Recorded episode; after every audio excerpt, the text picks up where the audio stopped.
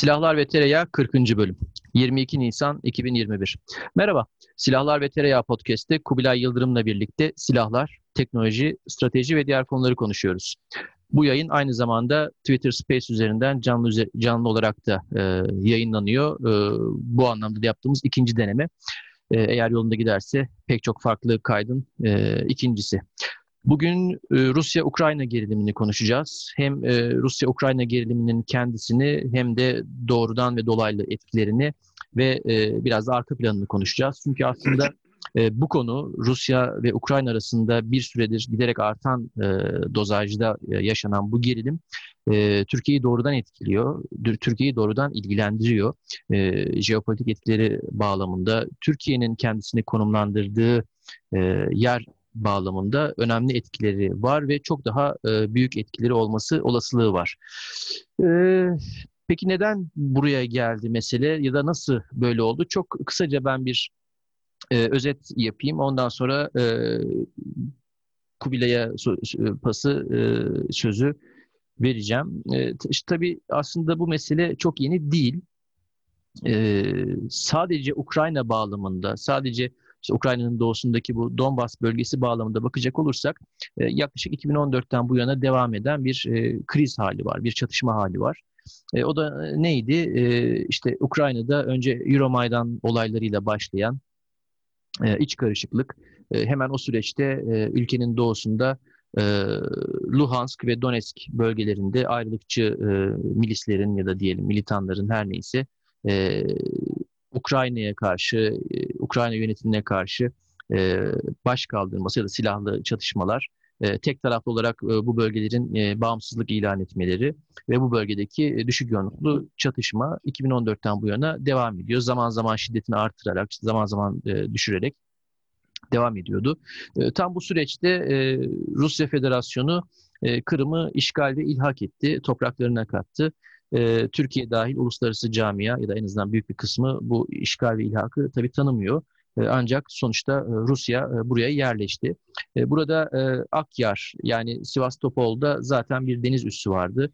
Ukrayna ile bir e, kiralama anlaşmaları mevcuttu.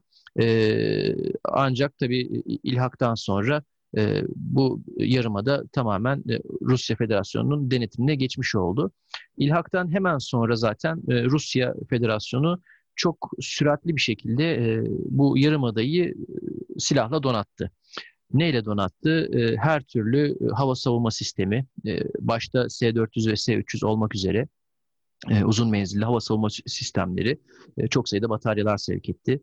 E, kıyı konuşlu gemi savar füze sistemleri, e, bal ve bastion tipi olmak üzere e, çok sayıda muharip uçak, hem taktik savaş uçakları, e, Su-30'lar, Su-27'ler hem de e, taktik bombardıman uçakları Su-34'ler zaten Su-24'ler de vardı. E, bunları sevk etti. Aynı zamanda da e, zaten e, 2008 civarından bu yana devam eden Karadeniz filosunun modernizasyon çalışmalarına daha da ağırlık verdi. Hatta denebilir ki e, deniz kuvvetlerinin modernizasyonunda Karadeniz filosuna çok büyük bir e, önem verdi, pay ayırdı. Bu modernizasyon kapsamında da e, çok dikkat çekici bazı hamleleri oldu. E, Karadeniz filosunun envanterinde bir adet faal denizaltı var iken bunların yanına 6 adet kilo sınıfının modern bir versiyonu olan Varşavyanka sınıfı e, dizel elektrik denizaltılar ekledi. E, bu denizaltılar e, Kaliber tipi e, seyir füzeleri ateşleyebilecek nitelikte denizaltılar. E, aynı zamanda e, Karadeniz filosunun e, fırkateyn ve korvet tipi e, gemi envanterini süratle geliştirdi. Yeni fırkateynler ve korvetler, hücum botlar e, burada hizmete aldı. Yine bunların da hepsi e, Kaliber tipi e, uzun menzilli seyir füzeleri e, taşıyabilen, ateşleyebilen gemiler. E, hatta e, bu faaliyet, bu bütün gemileri kaliber füzeleriyle donatma faaliyetine literatürde kalibrizasyon gibisinden bir isim de veriliyor. Bu füzeleri zaten 2015-16 civarında Suriye İç Savaşı'na müdahalesi sırasında yoğun bir şekilde kullandı. Hatta bir gövde gösterisi babında Hazar flotillasındaki korvetlerden de ateşlediği kaliberlarla İran ve Irak hava sahalarını kullanarak e, Suriye'deki hedefleri vurdu. Sözün özü e, 2014'ten bu yana Rusya Karadeniz havzasında çok yoğun bir e, zaten yığınak yapmaktaydı. E, ve dediğim gibi Ukrayna'nın doğusunda çatışmalar e, devam etmekteydi. Ancak e, bu sene e, baş bu sene başlarından itibaren e, özellikle Şubat-Mart ayından itibaren giderek artan bir şekilde hem e, Donbas bölgesinde Ukrayna'nın doğusunda e, ayrılıkçılarla çatışmalarda şiddet bu çatışmalar şiddetinde artış oldu. Hem de e, Rusya Federasyonu'nun e, bu bölgeye hem e, Ukrayna'nın doğusuna hem de aslında Ukrayna sınırı boyunca yaptığı askeri yığınakta çok ciddi bir artış kaydedildi. Ee, Ukrayna sınırları, Ukrayna'nın Rusya Federasyonu olan sınırları e, Rusya Federasyonu'nun iki tane askeri bölge komutanlığının sorumluluk sahasına giriyor. E, Rusya Federasyonu'nun bütün toprakları e, çeşitli bölgelere ayrılmış durumda. E, Doğu, Merkez, Batı, Güney ve Kuzey filosu olmak üzere. Ee, Ukrayna'dan da sorumlu olan ya da Ukrayna'ya sınırı olan iki tane askeri bölge komutanlığı var. Birisi Güney, birisi de Batı. Ee, bu her iki askeri bölge komutanlığı da e, bir süredir e, çok e, yüksek sayıda e, tatbikatlar ya da snap drill deniyor İngilizce'de e, plansız ani eğitimler ya da denetlemeler gerçekleştirmekteydi. Şubat sonundan itibaren özellikle Mart ayı boyunca bu her iki askeri bölge komutanlığı da çok sayıda askeri tatbikat yaptı ve özellikle geçen işte son 15-20 günde Karadeniz filosu bağlısı kuvvetler işte amfibi çıkarma harekatları, hava indirme ve amfibi müşterek e, harekat tatbikatı, e, deniz kuvvetlerinin gemilerinin, Karadeniz filosunun gemilerinin e, hava savunma tatbikatları gibi irili ufaklı e, faaliyetler yaptılar. Bunların hepsi e, birer aslında hem zaten as, e, birliklerin harbi hazırlık seviyeleri anlamında bunların ölçülmesi ve gösterilmesi anlamında önemli faaliyetler hem de zaten e, NATO'ya, Amerika Birleşik Devletleri'ne e, meydan okuma ya da mesaj verme eylemleri.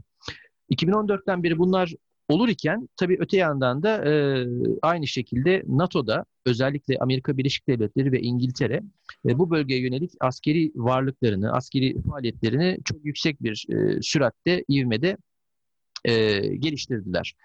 Ne yaptılar? E, bir kere Amerikan e, Hava Kuvvetleri'ne ya da Amerikan Silah Kuvvetleri'ne diyelim bağlı e, istihbarat, keşif ve gözetleme uçaklarının e, çok yoğun uçuşlarını gözlemliyoruz. Özellikle 2015 ortaları gibi ya da 2015-2016 civarından bu yana e, P-8 Poseidon deniz karakol uçağı, e, RC-135 e, elektronik istihbarat uçağı ve RQ-4 e, stratejik insansız hava araçları başta olmak üzere e, bu bölgede çok sayıda e, istihbarat uçağının e, neredeyse düzenli bir şekilde görev yaptığını görüyoruz.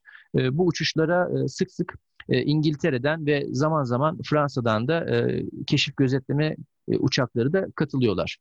Bu uçakların uçuşlarının artmasıyla birlikte bu uçaklara karşı Rusların da gerçekleştirdiği önleme uçuşları çok arttı.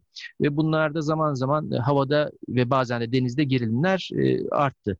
E, denizde gerilim nasıl arttı? Rus savaş uçakları zaman zaman bölgedeki NATO savaş gemilerinin çok yakınından alçaktan uçarak taciz olarak nitelendirilebilecek ya da en azından NATO'nun bu şekilde nitelendirdiği uçuşlar ya da manevralar yaptılar. Yani ve bu uçuşlara, istihbarat uçuşlarına ilaveten de e, NATO bölgede varlık gösterme adına e, zaman zaman e, bizim de işte takip ettiğimiz boğazlardan geçiş yaparak savaş gemilerini bu bölgeye geçirdi. buradan kulaklarını çınlatalım. Kendisi burada mı şu anda göremiyorum ama sevgili Cem Devrim Yaylılı gibi pek çok İstanbul Boğazı'nın nimetinden faydalanan arkadaşımızın da görüntülediği üzere bölgeye çok sayıda gemi giriş çıkışı oldu. bunlar da Ukra ee, Ukrayna ile, e, Romanya ile, Bulgaristan'la e, sık sık e, tatbikatlar, müşterek eğitimler gerçekleştirdiler. Bunların hepsi hem askeri e, anlamda eğitim, ortak operasyon ya da e, müşterek harekat eğitimleri idi hem de Rusya'ya mesaj idi. Ve üçüncü olarak da e, bu 2014'ten bu yana Rusya Federasyonu'nun aniden ya da e, bu dönüm noktasından itibaren e, NATO için e, birinci öncelikle tehdit olarak nitelendirilmesini sağlayan bu gelişmelerle birlikte e, Doğu Avrupa ülkeleri ve Karadeniz Havzası'ndaki ülkeler e, süratle e, silahlanma faaliyetine giriştiler. Rusya Federasyonu'ndan algıladıkları bu tehdide e, binaen. Bu anlamda en dikkat çekici ülkeler tabii Romanya ve Bulgaristan oldu. Her iki ülkede silahlı kuvvetlerine dair çok ciddi alımlar başlattılar. Özellikle Romanya burada öne çıkıyor.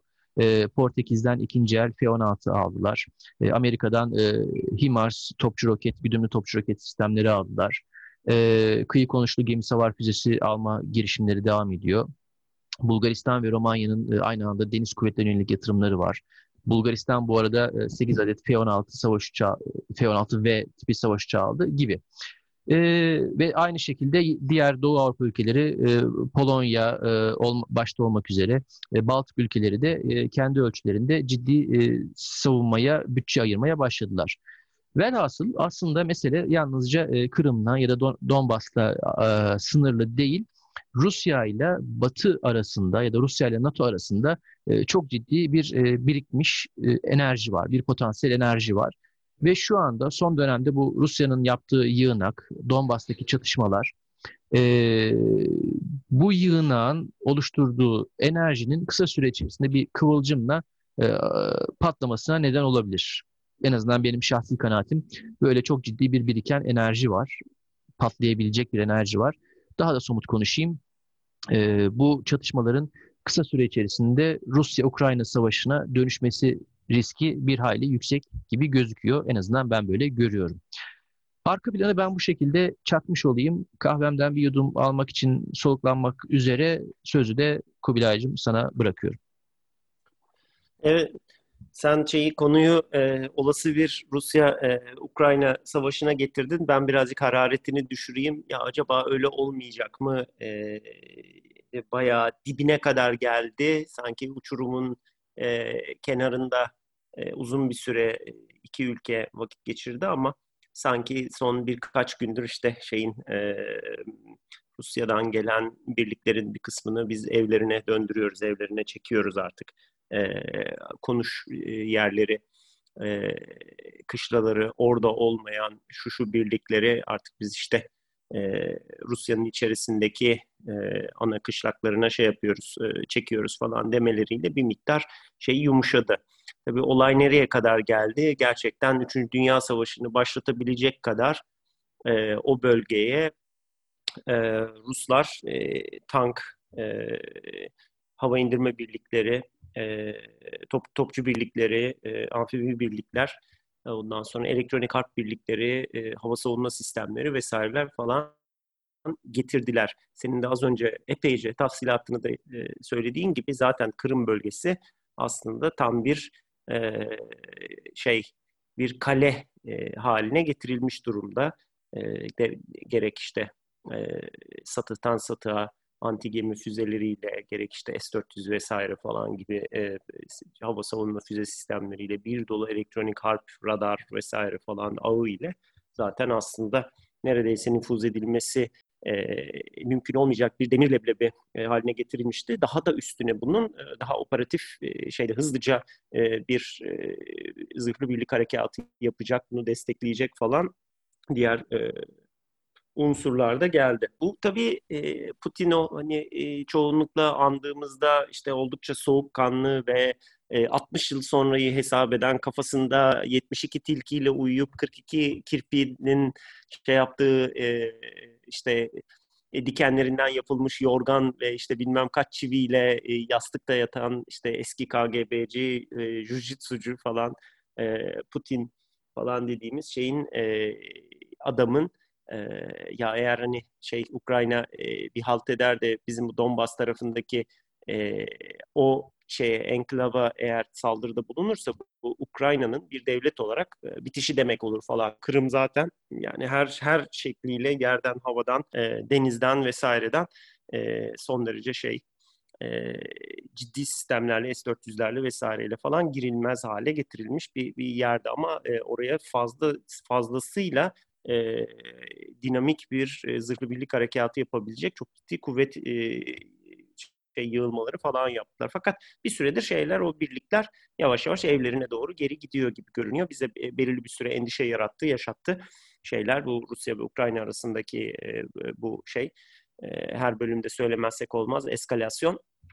E, fakat şu anda biraz daha sakinlemiş gibi görünüyor. Herhalde bundan sonra e, artık şey e, yavaş yavaş e, daha normale, eskisi normali değil ama belki biraz daha farklı bir normale doğru geri dönecek. E, burada şeyin e, yani ne oldu, neden bu iş böyle oldu vesaire bir miktar ondan azıcık e, kendi dimağımca, kendi bildiğimce, gözlemlerimce e, anlatmaya çalışacağım. Ondan sonra bir de bu son durum aslında son e, durum bu şeydeki gözlemlediklerim bizim için ne ifade ettiğine yönelik birkaç gözlemimi anlatmak isteyeceğim. E, mümkünse de eğer bunu başarabilirsem e, çok da uzatmamayı e, başarmak istiyorum ama e, bu geldiğimiz nokta e, yani Kırım'ın ilhakı ve ondan sonra işte Donbas'ın yani Ukrayna'nın doğusunda kalan e, ve işte Rusların falan da epeyce nüfus olarak ağırlıklı diyebilir miyiz her tarafında ondan çok emin değilim ama e, şeylerin de e, epeyce de bir Rus nüfusun bulunduğu bölgenin Ukrayna'dan görece ayrılmış kendince bağımsız bir şey kurdukları ne olduğunu bilmediğimiz bir yönetim kurdukları ama Rusya'nın da şey yapmadığı onu içine katmadığı böyle enteresan bir şey oluştu bir yapı oluştu. Bunu e ya tabii bu böyle olacaktı falan diye öngörebilir miydik eskiden pek zannetmiyorum. Fakat yine de Rusya'nın belirli şeylerde gücü yettiğince kendi kırmızı çizgilerinin az çok ne olduğunu defalarca bağırdığını, çağırdığını vesairesini falanı filanını e, biliyoruz. İşte e, 90'larda işte Yugoslavya'daki e, olaylara gösterdiği tepki, daha sonra işte Kosova'daki e, olaylara gösterdiği tepki, buraya yeri geldiğinde o şeylerin e, hava indirme birlikleriyle vesairelerde bir nevi barış gücü denebilecek işte Rus birliklerini göndermiş olması falan filan gibi e, şeyleri e, hatırlıyoruz. E, ondan sonra işte araya giren bir 2001, 11 Eylül 2001 sonrasındaki bir farklı durum var. Yani aslında e, kökten dinci, İslamcı terörü doğrudan e, şeyde ensesinde yaşamış olan ve bunu en büyük e, yaşamsal varoluşsal tehditlerden biri olarak gören ülkelerin başında uzun süredir aslında Rusya'da geliyor. E, özellikle Afgan Afganistan işgalinde çok ciddi bir kötek yediler o şeyden ve bunu bir nevi aslında e, Amerikan yapımı, NATO yapımı bir şey olarak, e, bir ucube olarak görüp aslında gerekirse Amerika ile falan bile birlikte dünyanın her tarafında bulduğu yerde vurmaya yönelik bir şeyi var, e, yönelimi var tabii ki Rusya'nın. Halen en endişe ettiği şeylerden bir tanesi. Çünkü e, ciddi bir şekilde bir bir çanak şeklinde e, Kafkaslardan ta doğu e, sınırlarına kadar aslında e, içinde dışında çevresinde e, Müslüman toplumlarla topluluklarla falan çevrilmiş bir e, ülke Rusya.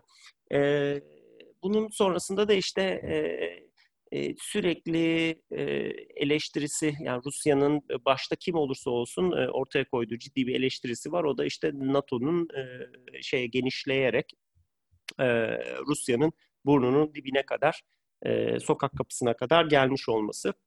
Bununla ilgili mesela oradaki trend e, hani Türkiye'nin işte e, 2004'ten beri Doğu Akdeniz'de süren işte Yunan, Kıbrıs bilmem ne şeylerine durup durup durup sonra bir anda 2015-2016 sonrasında kazan kaldırması falan gibi bir şey değil. Rusya buna istikrarlı bir şekilde elinde ne kadar güç varsa onunla e, sürekli eleştirisini ortaya koydu ve e, bunlar bir yerde geldiler. İşte şeyde 2008 yılında e, Gürcistan'daki işte talihsiz şeylerle bir şeye bir bir e, askeri bir operasyona dönüştü ve e, ondan sonra da e, malumu Ukrayna'da yaşanan işte o meydan olayları dedikleri e, Avrupa şeyin e, Ukrayna'nın e, yönetimindeki değişiklikler vesaireler falan üzerine Rusya'nın bunu bir tehdit olarak algılayıp işte e, malum askeri operasyonları yapması falan filanla da sonuçlandı. E, şeyin e, burada benim e, dikkat çekmek isteyeceğim şey aslında e, şu.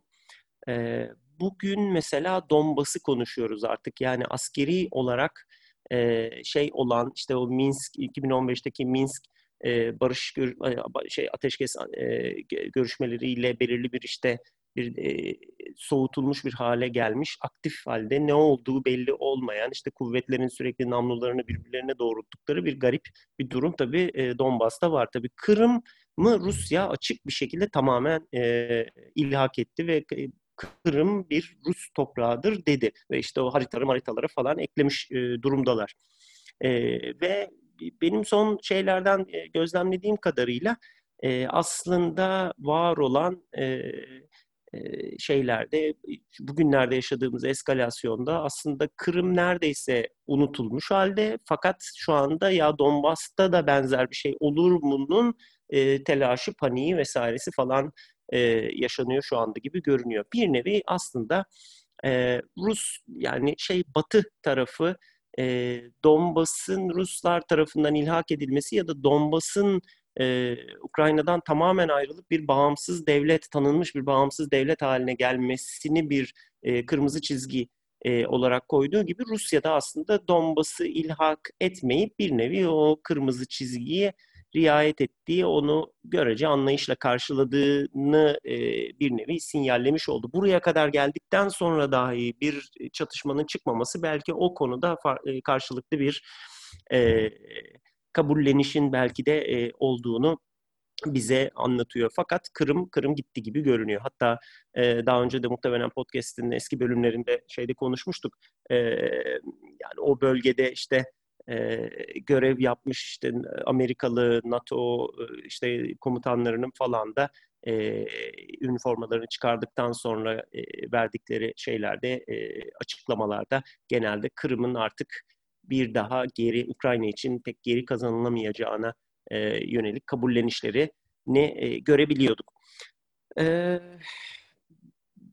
şeyde e, sürecin nasıl buraya kadar geldiğiyle ilgili, neden Rusya'nın bu kadar el arttırdığıyla ilgili tevatür son derece muhtelif. Birçok şekilde okuyabilmek mümkün. Bunun ya işte Putin şeyden dolayı, Covid'den vesaireden dolayı e, evinde çok işte Rusya'da çok e, şey kaybetti, siyasi destek kaybetti. Onun için bir hemen bir askeri bir şey sokmalıydı gibi benim pek başından beri hemen hemen hiç şey yapmadığım, prim vermediğim e, bir görüşten tutun da e, benzer bir şeyin işte Ukrayna tarafında e, e, hemen hemen ikinci senesini dolduran yanlış hatırlamıyorsam işte e, Zelenski'nin e, benzer bir yola gittiği ve işte ülkede bir böyle milliyetçi bir dil, bir kabarma e, yaratarak işte siyasi e, kariyerini e, bütünlediğine falan yönelik e, tartışmalara kadar bir dolu enteresan e, şey var. işte e, belirli bir e, taraf bundan işte Amerika'yı vesaireyi suçluyor ve her zaman söylenen işte Rusya yeni Biden yönetimini test ediyor falan gibi e, yorumlarla birlikte e, aslında neredeyse bununla ilgili gök kubbe altında söylenmemiş e, e, herhalde hiçbir laf kalmadı. E, bunlarla birlikte herhalde hani Occam'ın usturasını herhalde e, düşünmek lazım. Bunun muhtemelen e, bir ya da birkaç basit sebebi var. Bunun tam olarak ne olduğunu şu anda e, biz de bilmiyoruz. Olaylar nasıl buraya kadar geldi?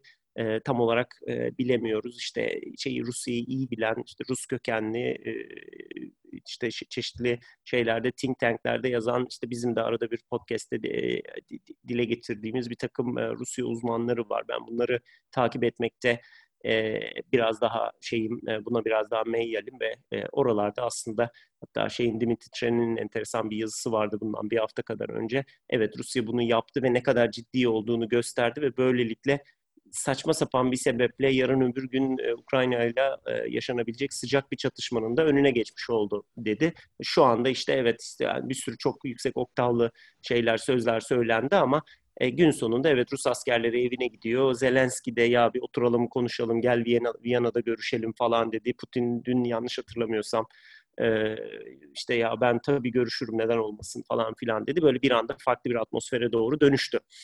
E, ben biraz daha o şeydeyim. E, e, enteresan bir zamanda biraz şeylerin dünyanın işte Pasifik tarafında da Atlantik tarafında da şeyin e, yükseldiği, harareti yükseldiği bir dönemde neredeyse Rusya ile Çin'in e, koordineli bir e, şekilde e, kendi e, aşil e, topuklarında harareti böyle şeyin altını, ocağın altını bir miktar daha yükselttiğini, bir mesaj ilettiğini vesaireyi görüyoruz. Bunu tabii e, biraz önce söylediğim gibi bu yönetimler, bu ülkeler yeni Biden yönetimini test etti falan diye e, okuyan bir bakış açısı da var. Ben e, o testin tabii nasıl olduğunu e, ve e, ne olduğunu, ne bittiğini, ne dendiğini tam olarak bilmiyorum yani şeyler hakikaten ülkeler birbirini bu şekilde test ediyor mu?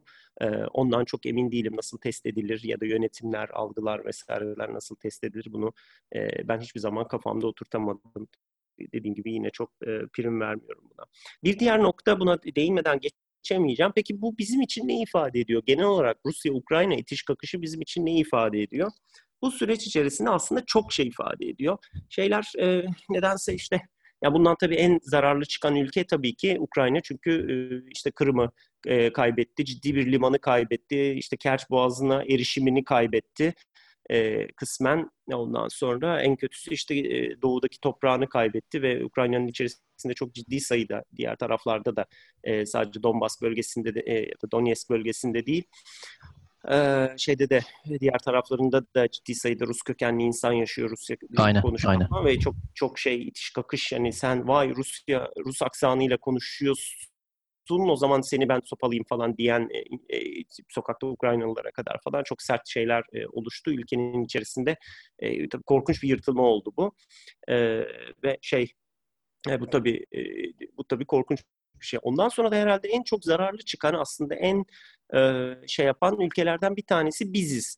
Ya ne alakası var dersek epeyce alakası var. Aslında e, tabii şey Kırım e, Kırım e, Kırım'ı benden alırsan ya da Kırım'ı bana yasak ederseniz önce cesedimi çiğnemeniz gerekir diyen neredeyse e, Rusya'nın bunu söylemesinin sebebi aslında e, e, şeyden bu Karadeniz dışında e, senenin 12 ayı kullanabileceği e, yüksek e, hacimli sevkiyat yapabileceği e, başka bir limanının pek de olmamasından biraz da kaynaklanıyor. Yani şey tarafında, batı tarafında tabii şeyde doğuda Vladivostok falan var. Onlar da hadi çok şeyde kuzeydeler falan filan ama yine de nihayetinde seyre açık. E, onun dışında işte kuzey limanları kalıyor ve o bakımdan e, ciddi sıkıntıdalar.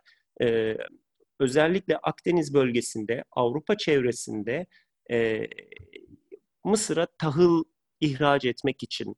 Ondan sonra belirli bazı neft işte petrol ürünlerini ihraç etmek için. Ondan sonra e, araba bilmem ne falan getiren ro-ro gemilerini şeylerini tırları vesaireleri karşılamak için falan en önemli limanlarının başında e, şey geliyor. E, Kırım bölgesi geliyor. E, aslında şey ve de tabii e, en büyük askeri üslerinden bir tanesi o bölgede deniz üslerinden bir tanesi. E, Kırım'daki e, askeri üsleri vesaireleri kullanabilmesi şey için Rusya için son derece kritik ve hayati. Ticari manada da son derece kritik, aynı zamanda askeri anlamda da son derece kritik. Yani e, 2014 yılında Kırım'ın ilhakı ile e, aslında Karadeniz'deki dengeyi ve durumu çok farklı bir şekilde e, ters tarafa doğru çevirdi Rusya. E, çünkü onun da işte belirli sebepleri var. İşte o şey Ukrayna'daki hükümetin e, Rusya'nın e, Kırım'daki deniz üssü için o bölgeyi kiralama e, anlaşmasını yenilemeyeceğini açıklaması falan filan gibi işte durumu biraz e, şey yapan Rusya için e, taciz edici bir hale getiren enteresan şeyler olmuştu. İşte yani sonunda o şey e, e, Ukrayna ve şey onun arkasında duramadı ve yani Kırım'dan oldu toplu şekilde bu çok acı bir şey, çok kötü bir şey. E, fakat bu bu gerçekleşti yani acaba hani Rusya'nın oradaki deniz üssünü vesairesini falan kullanması, kullanmaya devam etmesi, o centilmenliğin devam etmesi yeğlenmeli miydi? Böyle bir e, şeye, trajediye e, doğru gitmesi önlenebilir miydi? Bunların hepsi ayrı tartışma konuları. Fakat bununla birlikte tabii Kırım'ı artık Rus toprağı e, haline getirdiği için, öyle varsaydığı için e, Rusya geçenlerde işte o şeyde geçen cumartesi Kozan'ın Defense Türk'teki şeyinde e, neydi A merkezli sohbetlerde işte söylediği şey ya oradaki e, münhasır ekonomik bölgeyi değiştirdi aslında ve far, farklı doğru, bir doğru, şey, doğru. şeye soktu. E, ve yani orada bizim de karşımızda o var, şey var.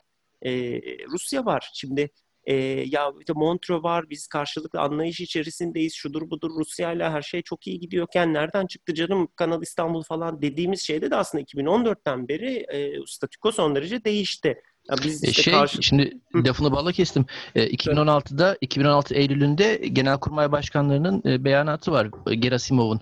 E, bu zamana Evet, kadar e, Karadeniz'in hakimi Türklerdi ama artık Karadeniz'in hakimi biziz. E, durum değişti. E, füzelerimizin menzili boğazlara kadar uzanıyor gibisinden bir şey var ve o bunları söylerken tam o dönemlerde de e, 15 Temmuz sonrasında Türkiye-Rusya arasındaki ilişkiler e, bambaşka bir seyre girmişti. Hatta e, S-400 için ilk görüşmelerin, ilk böyle e, temasların yapıldığı sıralarda bunu söylüyorlardı. Yani orada Doğru, aslında doğru. hiç öyle e, statükodan yana e, olan bir tavır içerisinde olduklarını da düşünmüyorum ben. Kesin, kesinlikle öyle. Kesinlikle öyle. Bu yani biraz da aslında e, konuyu getirmeye çalışacağım şey orası. Ee, Rusya e, şey olmadığı takdirde aslında Kırım elinde olmadığı takdirde Karadeniz'de şimdiki gibi barınamazdı. Şimdiki gibi bir donanmayı e, o şekilde yaşatması muhtemelen mümkün olmazdı. Bundan daha da ötesi e, Kırım olmadan aslında e, Suriye'deki operasyonu desteklemesi Libya'ya bu kadar e, şey el altından el üstünden destek verebilmesi mümkün olmazdı. E, Mısır'la bu kadar iyi ticari ilişkiler kuramazdı e, kuvvetle muhtemel. Dolayısıyla e, burada aslında şöyle bakmak lazım konuya. E, Kırım e, Rusya'nın Karadeniz'de ve Karadeniz'den Akdeniz'e açılması işte her zamanki klasik terim e, sıcak denizlere e, kuvvet projeksiyonu ve etki alanı e, yayabilmesine yönelik Kırım birinci e, nasıl diyeyim turnike ise e, Türk Boğazları da ikinci turnike aslında. Birinci turnikeyi e, Ruslar bir dakika benim önüme engel mi koyuyorsun dedi. O turnikeyi kopardı attı ben o zaman burayı ilhak ediyorum diye. Şimdi karşısında bir tane kontrollü şey var e, kendi imkanlarının yetip yetmemesi dışında kontrollü bir nokta daha var. Türk Boğazları. Şimdi de e, 2014'te Kırım'ı şey yaptı. Şu anda da biz oturmuş enteresan bir şekilde e, Montreux'u vesaireyi falan tartışıyoruz ya da tartıştı, tartıştırıyoruz.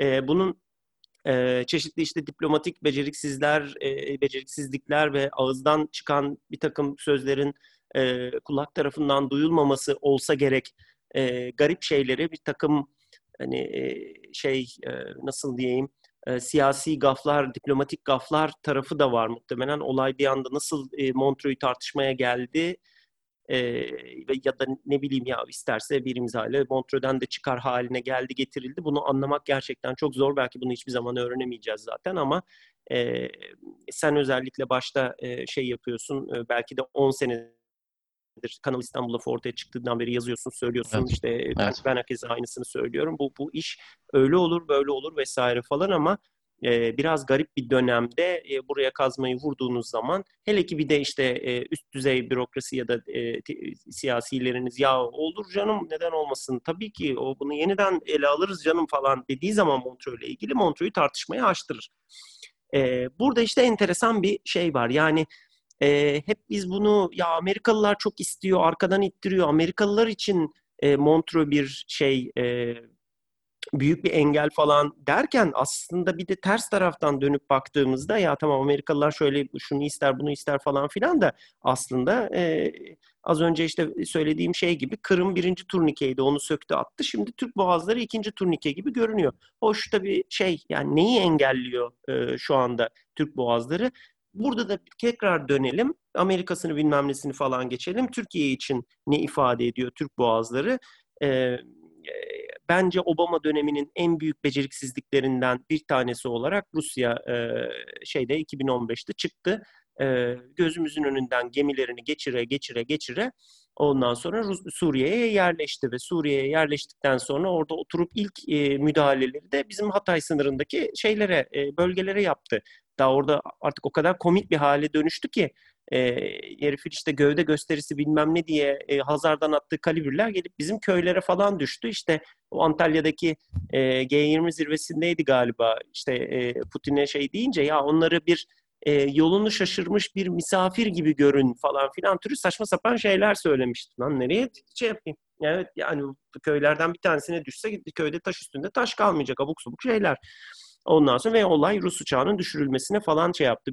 Ve E, yani Rus gemileri e, işte boğazlardan geçerken omzunda strelalarla, şey, iglalarla falan duran saçma sapan adamlarla falan geçmeye başladı. İşte bir şey yapamıyorsun. Yani bir daha dönüp baktığında sana son derece düşmanca e, tavırlar takınan bir ülke seni gidip başka bir yerde sıkıştırmak için şeyler e, gemiler dolusu şeyi sen, sana nanik yaparak geçiriyor. Yani bunu karikatürize ederek söylüyorum. İşte bu bakımdan da biraz e, enteresan. Yani bir domino taşı gibi aslında Kırım'daki o şey e, Kırım bir nevi e, Kırım'daki düzen, işte Ukrayna'nın olması, oradaki karşılıklı centilmenlik, işte şeyin kiralık olması vesaire falan o o baraj yıkıldığı zaman işte karşısında altçıl etkileri falan da oluyor. Eğer hani şöyle söyleyeyim, farklı bir senaryoyla söyleyeyim. Eğer Rusya Kırım'ı alamasaydı ve kaybetseydi yahut da Putin o zaman o hamleyi yapmasaydı Suriye'deki operasyona da destek veremezdi.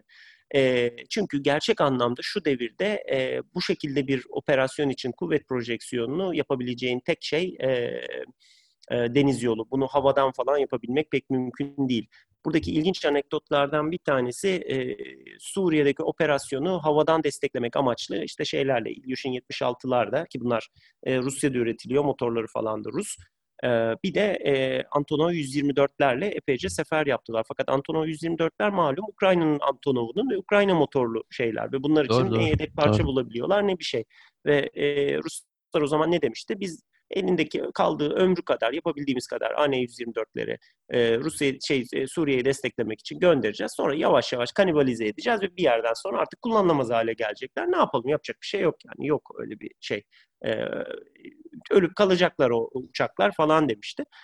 E, bu da onun gibi e, ve böyle bir şeyle e, hani Kırım'la başlayan, Kırım'ın ilhakıyla başlayan süreç içerisinde çok hızlı bir şekilde biz hani hani Rusya ile kuzeyden komşuyuz falan diyoruz ya kuzeyden komşuluğumuzun o statükosu da değişti e, Kırım'la birlikte ve biz aslında kuzeyden de bir tehdit görmeye başladık. Ondan sonra çünkü işte birinci turnikeyi aşan ikinci turnikeye göz diken belki bir e, Rusya iyi algılamaya başladık. Ondan sonra aynı Rusya Kırım'ı kullanarak, deniz e, projeksiyon kabiliyetini kullanarak Suriye'ye geldi. Suriye'de bizi güneyden de komşumuz oldu e, falan filan derken e, zaten işte e, Kafkaslar'da iyi kötü bir şeyimiz var birbirimize e, hani sırtımızı yaslamış garip bir halimiz var. Belki yüz yüze bakmıyoruz ama derken e, işte Kıbrıs'la falan bir ara şeyleri e, çok sarmaş dolaş oldular ve bu bu bağlamda da e, bizi dört tarafımızdan da çevirdiler. İşte 2014 ile başlayan süreçtir. Uçağın düşürülmesi bilmem ne falan filan ve ondan sonra uçağın düşürülmesi sürecinin ardından bizim bu konuyu NATO'ya eskale etmemizde, yani NATO'ya götürmemizde, NATO'dan e, bir dolu nasihattan başka bir şeyi dinlemeyerek biraz da dalga geçilerek kös kös geri dönmemiz e, sonrasında e, aslında şeyin NATO'nun hani e, Macron'un deyimiyle gerçek manada e, e, beyin ölümü mü işte artık kas at- atrofisinin falan e, evet, biz de doğru. farkına varıp e, orada herhalde Türkiye artık lan burada bir halt oldu ve biz de bunu biraz kötü yönettik yani şey yaptık ve bundan sonra e, hani Cumhurbaşkanı'nın lafı vardır ya kendi göbeğimizi kendimiz keseceğiz diye döke saça da olsa kendi göbeğimizi kendimiz şey yapıp işte bizi üç taraftan farklı farklı şekillerde aslında kuşatmış olan bir Rusya ile farklı bir iletişim modeline, bir ilişki modeline geçmeyi planlayacağız falan dedik. Ve ondan sonrasında çok kötü götürdük yine. Yani sebepler burada işte belirli bir şey e, mantık silsilesini kurduktan sonra bu iş işte S-400'lere gitti, oraya gitti, bu oldu, şu oldu falan filan. E, biraz e, gereğinden fazla da bir e, şey Rusya'ya e, gereğinden fazla bir kredi açtık. İşte, işte şey Astana şeylerinde masalara oturduk. Bunları çok büyük zaferler olarak e, tanımladık vesaire. Hani ne olacaktı? Bunun alternatifi ne olacaktı? Türkiye yalnız başına kaldı çünkü. E, buradaki belirli şeyleri kendisinin idare etmesi gerekecekti. Kendisi bir düze, hali vakti yoluna koyması gerekecekti. Bunların bir kısmı kötü yönetildi, tutunamayacak belki tutunamayacağı o zamandan belli sözler verildi. Şudur budur bunları konuşa geliyoruz zaten bir süredir falan ama e, işte e, en az Türk e, Obama'nın İran'la masaya oturduğu işte gizliden gizliye belki hani şey yaptığı böyle 2011 dönemleri daha sonra olayın JCPOA'ya evrildiği, nükleer anlaşmaya evrildiği dönemdeki o e, Amerika daha doğrusu Batı dünyasının e, İran'la yaklaşması kadar büyük bir dramatik değişimi Türkiye'nin jeopolitik e, konumu duruşu için e, büyük bir şeyi değişimi sarsıntıyı aynı zamanda da Rusya'nın Kırım'ı ilhakı ve daha sonra bizim için e, Donetsk tarafı biraz daha şey kalıyor, tali kalıyor belki. E, Türkiye için e, o e, statükoyu tamamen değiştirdi, kırdı, attı ve tehdidi son derece daha e, çok boyutlu, çok karmaşık bir hale soktu bizim için deyip ee, süper kısa bitirdim değil mi? Sana tekrar pas atıyorum. güzel güzel yok iyi oldu çünkü şey aslında tam da benim e, getirmek istediğim yere bağladın. E, ben biraz da e, bu aralar e, bana da çeşitli platformlarda çok gelen bir soru. E, bu iş Türkiye'yi nasıl etkiler? Ona bağlayacaktım. Onun yolunu sen açmış oldun. Şimdi e, bizi nasıl etkilere gelmeden önce aslında e, bir şeyi e, belki hatırlamamız lazım. Yani bunu çok fazla Rusya'yı konuşurken ya da Rusya'yı e, düşünür tartışırken e, gözden kaçırıyor gibi gözüküyor e, düşünüyorum. E, Rusya e, tarihi boyunca en az 4-5 kere işgal edilmiş bir ülke e, ta işte 1300'lü yıllarda falan bu altın ordalar, Moğollar işgal ediyor. E, epey bir yakıp yıkıyorlar. E, sonra işte Lehler, Lehistan 16. yüzyılda yanlış hatırlamıyorsam işte hafızam hatır, yanıltmıyorsa beni e, 16. yüzyılda Lehler işte şey yapıyor e, işgal ediyorlar. Onlar bir üstünden geçiyorlar. E, sonraki yüzyılda bu şeyler e, 18. yüzyılın başlarında İsveçliler bir e, İsveç'te ciddi bir savaşlar oluyor. İsveç bayağı bir yer kazanıyor falan. Sonra onları yeniliyorlar. Sonra meşhur Napolyon'un işte 1812-13 o civarlarda e, Rusya'yı işgali var. E, Moskova'nın kapısına kadar geliyor. Sonra işte o yeniliyor, geri gidiyor. E, ondan sonra da tabii e, Hitler'in 1941'de başlayan e, Barbaros Harekatı yine onlar da e, Moskova'nın kapısına kadar gelip sonra püskürtülüyorlar. Yani Rusya'nın tarihi hep böyle çok ciddi e, işgallerle e, geçmiş bir tarih.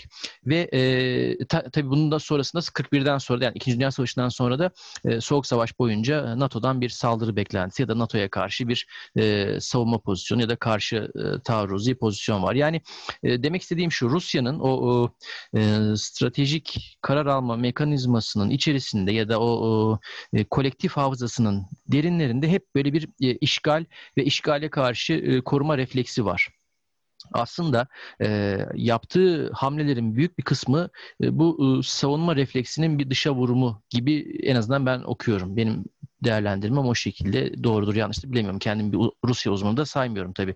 Öyle bir cüretim yok. E, şimdi bu Burada e, önemli bir iki dönüm noktası var. Bugüne getirmek açısından onları belki hatırlatmakta fayda var.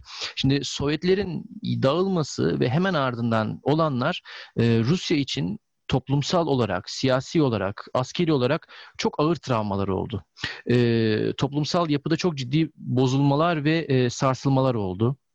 Ekonomi zaten çok uzunca bir süre perişan durumdaydı ve o perişanlığın sonucu olarak işte he, hepimizin gördüğü belki Rus pazarlarında madalyalarını satan askerlere kadar ya da her şeyin satıldığı pazarlara e, pazarlarda yer aldığı bir e, hal içerisindeydiler. E, ordunun e, bütün unsurlarıyla çürüdüğü bir sürece tanıklık ettik. Her şeyiyle o işte e, bir 5-10 sene önce e, NATO'yu, Avrupa'yı, Amerika'yı titreten, korkudan uykusuz bırakan o silahlı kapasitenin hızla çürüyüp paslandığını gördük ve o çürümenin paslanmanın sonucu olarak Rusya e, 90'lar boyunca ve 2000'lerin başlarına kadar e, mecburen e, Batı ile iyi ilişkiler geliştirdi, iyi geçindi. Hatta o kadar ki 90'ların sonu 2000'lerin başlarında e, Rusya-NATO işbirliğinin bir sonraki adıma geçirilmesine dair tartışmalar var literatürde. E, Rusya'ya özel bir statüyle NATO üyeliği dahi tartışıldı. Böyle bir dönemden geçti. Hatta burada parantez açayım. E, hep işte bu S-400 tartışmalarında gündeme getirilen ya işte Yunanistan'da da S-300 var niye ona kimse bir şey demiyor'nun cevabı burada saklı. Çünkü o dönemki konjonktür e, Rusya ve e, Amerika ya da Rusya ve NATO arasındaki ilişkilerin el verdiği o konjonktürden Türkiye askeri gücünü, siyasi gücünü de iyi kullanarak e, akıllıca faydalandı. E, o dönemki şartlar çok farklıydı çünkü Rusya ile Amerika ya da Rusya ile NATO kanlı bıçaklı değildi. Şimdi 90'lar boyunca Rusya'nın bu e, dişleri sökülmüş e, ayı e, konumundan aslında en iyi faydalanan ülkelerden bir tanesi de herhalde Türkiye'ydi. Çünkü Tam da o dönemde Türkiye silahlı kuvvetlerine özellikle donanmasına çok ciddi yatırımlar yaptı. E, gemiler, yeni gemiler işte Amerika'dan, yani yeni derken Amerika'dan Gabyalar geldi. E, denizaltılar birbiri ardına hizmete girdi yerli savunma sanayindeki gelişmelerle e, ciddi anlamda bir modernizasyon oldu ve bunların sonucunda e, Gerasimov'un o 2016'daki konuşmasında atıf yaptığı üzere e, Türkiye Karadeniz'de e, Rusya'ya karşı belirgin bir üstünlük sağladı. Ve bu üstünlüğü de epey bir süre devam ettirdi. Hem sayısal olarak hem nitelik olarak. E, bu üstünlük yalnızca işte e, hangi geminin menzili daha uzundur, hangisi daha moderndir, işte e, kaç uçağımız var falan tarzı sayısal askeri karşılaştırmalar değil. Aynı zamanda siyasi olarak da bölgede bizim e, belli bir inisiyatif almamızı, belli bir manevra alanına sahip olmamızı sağladı. Bunun da en güzel yansıması e, Black Sea Four inisiyatifi oldu. Biz Black Sea Four'la e, o bölgede Karadeniz Havzası'nda e, güvenlik odaklı e, bir mimari kurmayı başardık. Rusya'nın da bu işine geldi. Neden? E, Karadeniz'de kıyıdaş ülkelerin birlik bir araya gelmeleri, uluslararası işbirliği ortamı e, zaten çok ciddi bir şey e, dikte edecek güçleri de yok. En azından e, kazanımlarını ya da mevcut konumlarını koruyacak ve e, başta Amerika olmak üzere diğer ülkelerin, kıyıdaş olmayan ülkelerin bölgeye girmelerine de bir şekilde e, mani olabilecek bir inisiyatif. Rusya için ehven işler bir durumdu bu. Zaten bunu kendileri de çeşitli akademik yayınlarında falan kabul ediyorlar. Black Sea Four'a e, biraz da e, zevahiri kurtarmak için şey yaptıkları. Ama daha sonra tabii e, Putin'in iktidara gelmesi, e, petrol doğalgaz gelirlerinin hızla artması, bunlardan dolayı ekonomideki bir e, rahatlama süreci var 2000'lerin başlarında ve e, silahlı kuvvetler için e, ardı ardına e, reformlar, modernizasyon süreçleri. Oradan sonra da zaten 2008 Gürcistan Savaşı'ndan sonra e, esas işte Serdyukov reformu dedikleri o e, silahlı kuvvetler için e, ana en büyük o reform sürecinin başlangıcı. Şimdi e, burada hani demin dedim ya Rusya devamlı işgal edilmiş bir ülke. İşte 2008 Gürcistan, 2014 Ukrayna, 2015 Suriye bunların hepsinin aslında arka planında e, bir savunmacı refleks var. O savunmacı refleksin yani Rusya perspektifinden e, ana motivasyonu da şu ee, sen de az önce bahsettin işte e, 90'larda Yugoslavya'da olanlar, Balkanlarda olanlar. Ondan sonra e, NATO'nun doğuya doğru genişleme süreci, Doğu Avrupa ülkelerinin NATO'ya tam üye olmaları, e, 2011'de Arap Baharı ki Rusya için çok ciddi bir travmadır. Neden? E, birbiri ardına e, Arap ülkelerindeki gerçekleşen halk hareketlerinin zaten Çeçen isyanından, Çeçen e, işte e, Çeçenlerle mücadeleden iki kere ağzı yanmış olan e, Rusya'yı ciddi anlamda korkutuyor. E, Kafkasya'daki Müslüman nüfusta bir hareket olur mu? Ya da yine o dönemde e, Avrupa'da gerçekleşen gerçekleşen bu renkli devrimlerin bir benzeri e, Rusya'da olur mu? Bu onlar da aslında ciddi anlamda endişe konuları ve bunlar zaten e, askeri doktrin belgelerine de yansıyor. Bu tarz halk hareketleri ya da işte Arap Baharı benzer hareketlerin e, ulusal güvenliğe teşkil ettiği tehdit. Şimdi Arap Baharı bunlarda böyle bir travma yaratıyor. Bir ciddi alarm zillerini çaldırtıyor. E ondan sonra Ukrayna'da olanlar hem NATO'nun genişlemesi hem bu tarz e, halk hareketleri e, Rusya'nın bir karşı hamlesini tetikliyor. Zaten o dönemde de yani 2010'ların ortaları civarında da silahlı kuvvetlerin modernizasyon anında ciddi bir şey yapmışlardı. Neyse daha fazla uzatmayayım. bu adını andığım e, Gürcistan, Ukrayna, Suriye hamleleri Rusya'nın ileri doğru aslında e, bir çeşit savunmacı karşı taarruzlarının e, dönüm noktaları olarak belki nitelendirilebilir. Rusya kendisiyle Batı arasında bir kuşağı kurmak ve korumak için e, büyük bir özen gösteriyor. Bu kuşağın parçaları ne? İşte e, Suriye, hatta Suriye'de belki e, bu kadarını da elde edeceklerini planlıyorlar mıydı bilmiyorum. Yani e, Suriye'de denklemi değiştirdiler. Üstüne Doğu Akdeniz'de daimi deniz varlığına sahip oldular. E, Mısır ve Libya'da da e, farklı şekillerde varlıklarını takviye ettiler. Dolayısıyla e, Doğu Akdeniz'de bir e, kuşak oluşturdular. E, Ukrayna'da işte Kırım'ı ele geçirip e,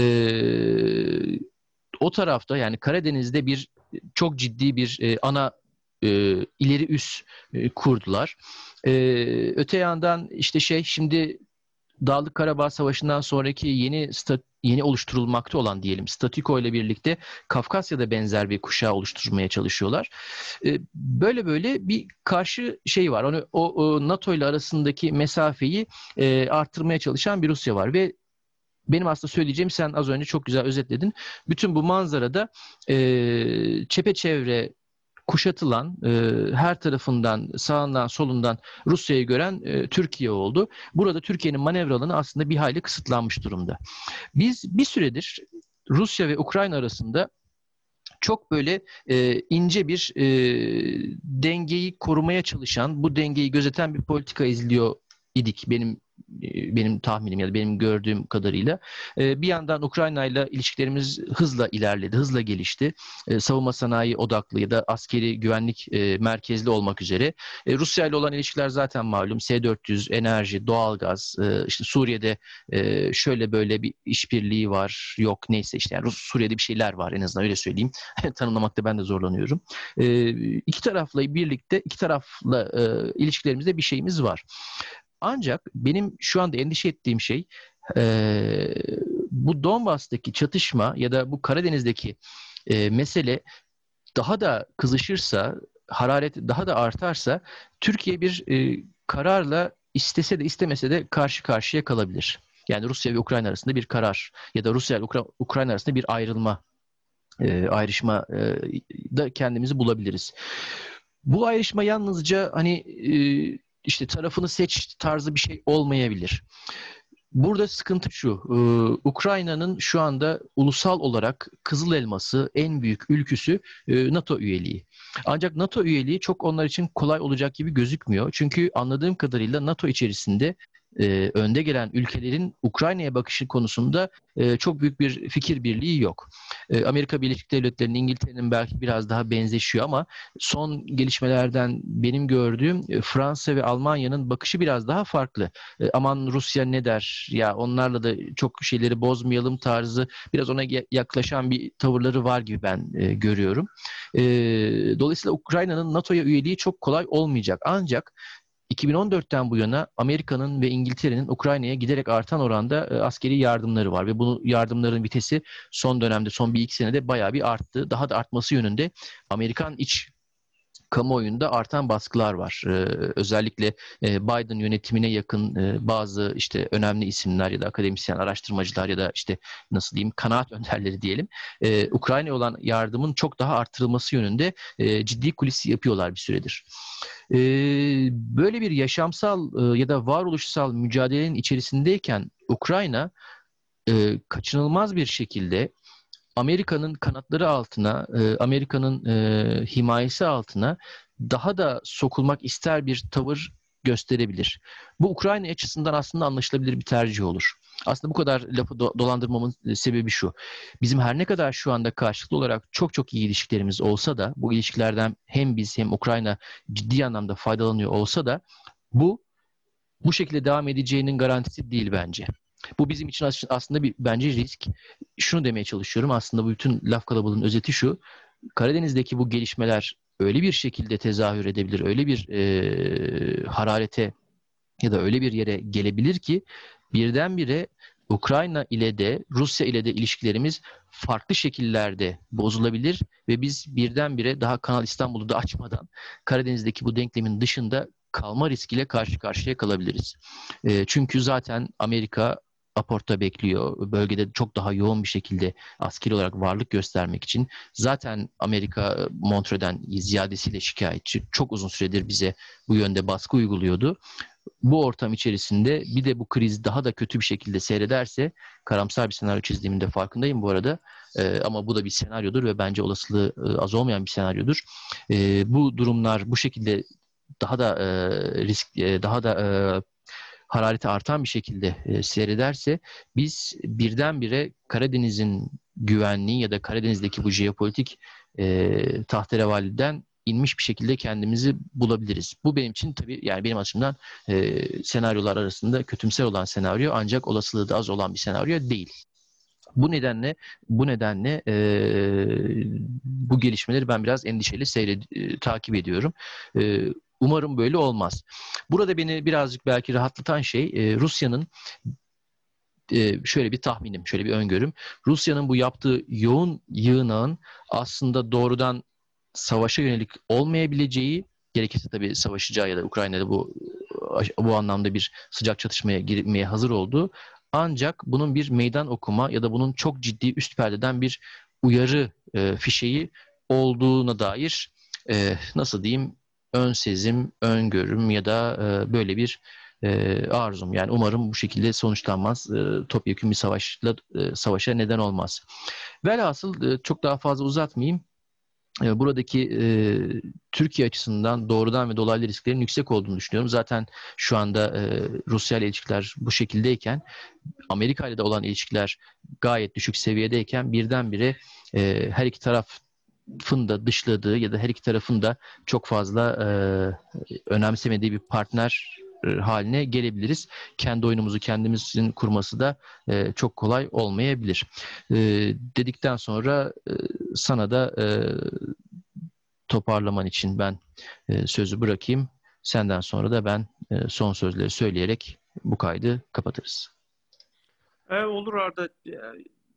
Yani bizim e, şeyde son dönemde e, ben Türkiye içerisinde özellikle birazcık daha işte e, hükümet partisine yakın kaynakların e, bir şey mesajı vermeye çalıştığını hissediyorum. İşte bakın e, yerli ve milli savunma sanayi ürünlerimiz işte şurada burada Libya'da işte Karabağ'da falan çeşitli şeylere yol açtı.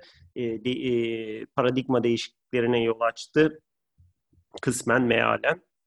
E, ve şimdi ee, Ukrayna'da bu kabiliyetin peşinde istiyor ve e, hani bizde e, bu, bu önemli kabiliyeti mağdur durumdaki Ukraynalı kardeşlerimizle de paylaşacağız ve bu bölgede hani bu haksızlığa şey yapacağız, engel olacağız falan ve bu şekilde de aslında ima edilen bir alt metin de e, ya işte hiç kimseye yardım etmezken aslında Ukrayna'ya doğru dürüst tek gerçek anlamda e, Ukrayna'ya destek veren askeri anlamda, kapasite anlamında ve kabiliyet anlamında destek veren ülke Türkiye olarak e, bizi işte şeylere e, kapı dışarı etmiş olan e, batılı, NATO'lu, Atlantikli falanlı filanlı işte müttefiklerimiz e, parantez içerisinde e, müttefiklerimiz ne kadar büyük bir hata yaptıklarını anlayacaklar. İş sıkıştığı zaman ondan sonra gelecekler ya biz büyük bir hata yapmışız diyecekler. Biz de diyeceğiz canım olur mu şey olur ya şey dostlar arasında mühim değil deyip ve işte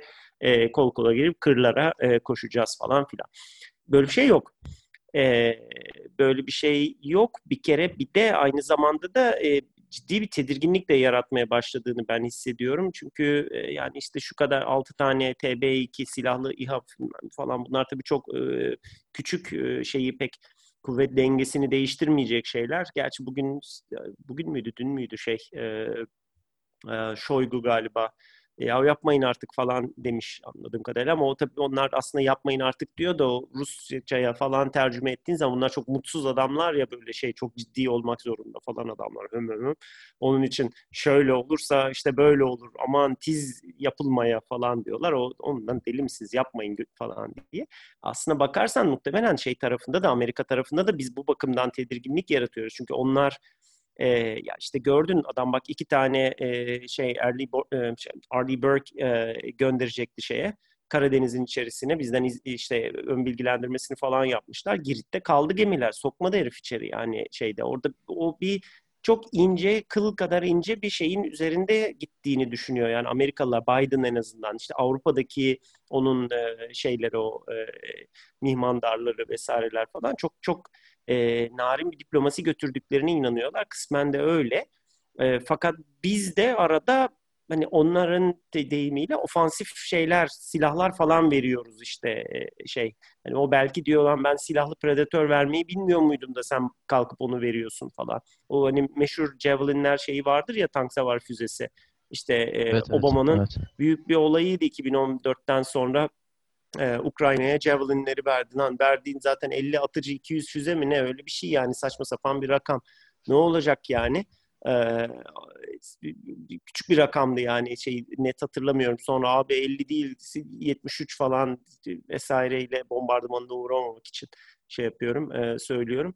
Onu bir de hatta ülkenin doğusuna getirmeye izin vermemişti falan Obama. Aynen aynen. O, bayağı bir şartı koşulu falan vardı doğru. Hı, evet, evet. Ya herhalde Ukrayna'yı Romanya'dan gelecek bir saldırıya karşı korumak içindi muhtemelen.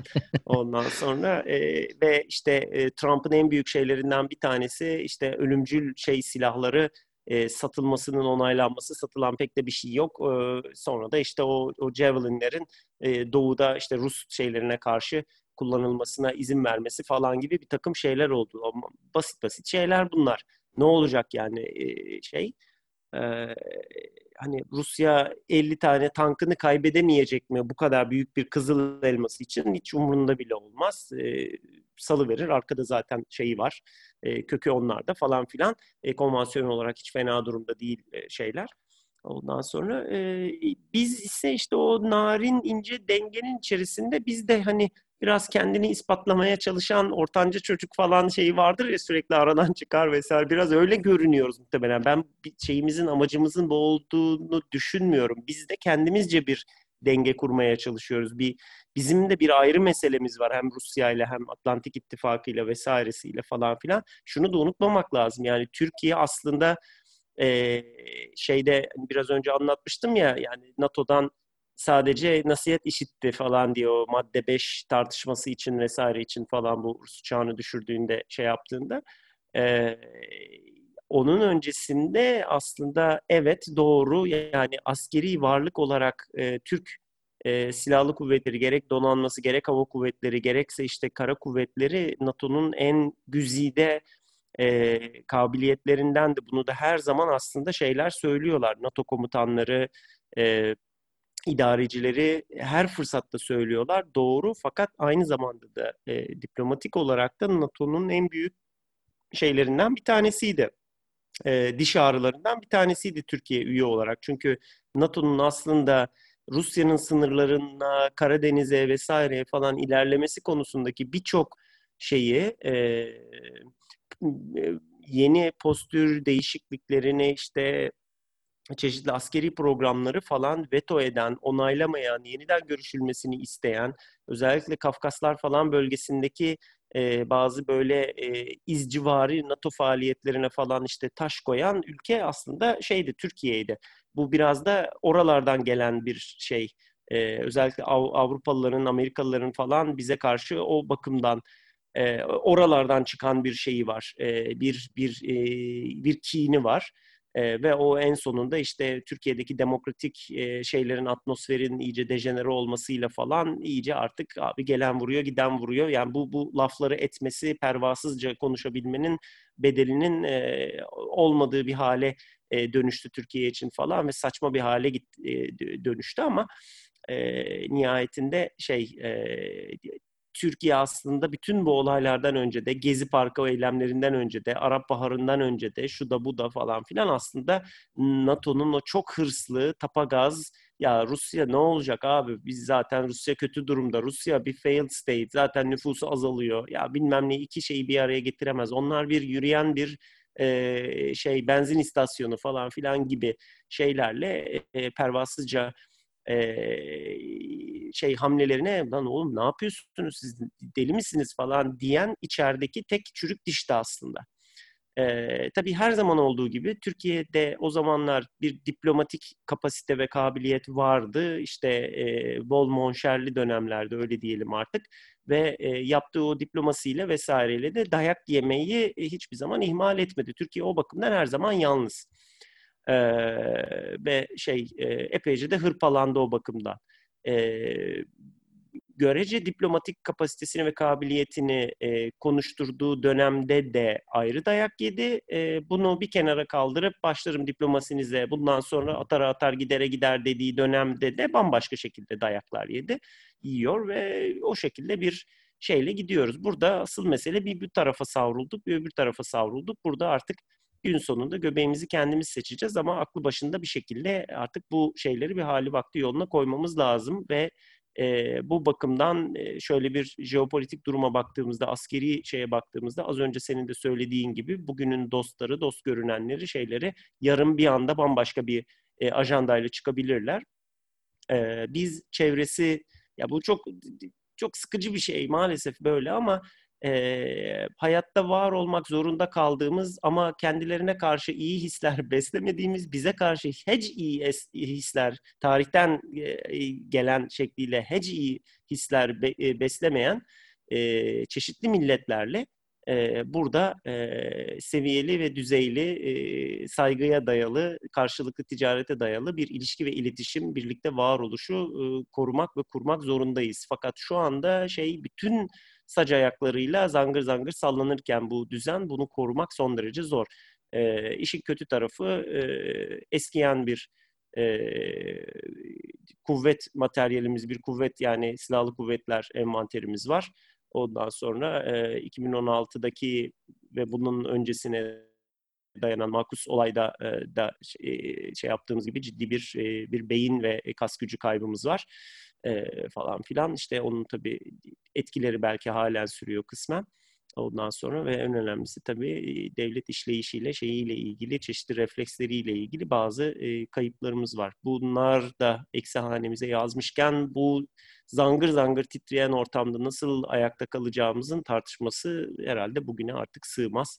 Bu Ukrayna-Rusya konusunu da son derece aşar. Bunu ileriki programlarda e, işte parça parça bir fili e, ancak ısıra ısıra yiyebilirsin e, o ısırıkları teker teker atarak herhalde e, şey e, konuşabiliriz.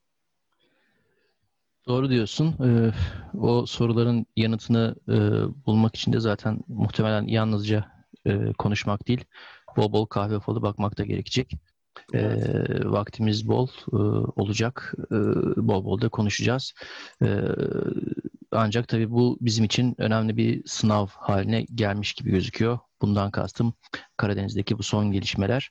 E, çünkü mesele sadece izole değil, yalnızca iki ülke arasındaki bir gerilimden ibaret değil. E, domino taşı etkisi yaratabilecek şekilde Türkiye'nin çok farklı e, dış politika e, öncelikleri ya da e, çok farklı e, çıkarlarına farklı şekillerde sirayet edebilecek, etkiler olabilecek bir durum. Yani e, daha da somutlaştırmak adına Karadeniz'deki bu gelişmenin e, seyri ya da Türkiye'nin bu dönemde yapacağı tercihler e, Doğu Akdeniz'deki, Suriye'deki, belki iç güvenlikteki, bilmiyorum belki Kafkaslardaki ya da Balkanlardaki e, pozisyonlarını etkileyebilecek, buralardaki e, ilişkilerini ya da konumdan konumlanmalarını etkileyebilecek. E, bu anda bu anlamda e, gerçekten çok bıçak sırtı bir konu.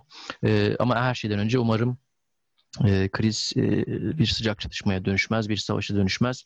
Çünkü kesinlikle e, bu işin kazanan olmayacağı gibi muhtemelen en azından benim korkum bu. En büyük kaybedenlerinden bir tanesi e, Türkiye olabilir. Umarım bunlar gerçekleşmez. E, evet e, anladım tahmin ediyorum e, sağını solunu epey bir kurcaladık. Güzel bir şekilde e, paketledik. Daha da konuşuruz bu konuyu ama e, bu bölümlük bu kadar diyelim. E, sonraki bölümlerde görüşmek üzere.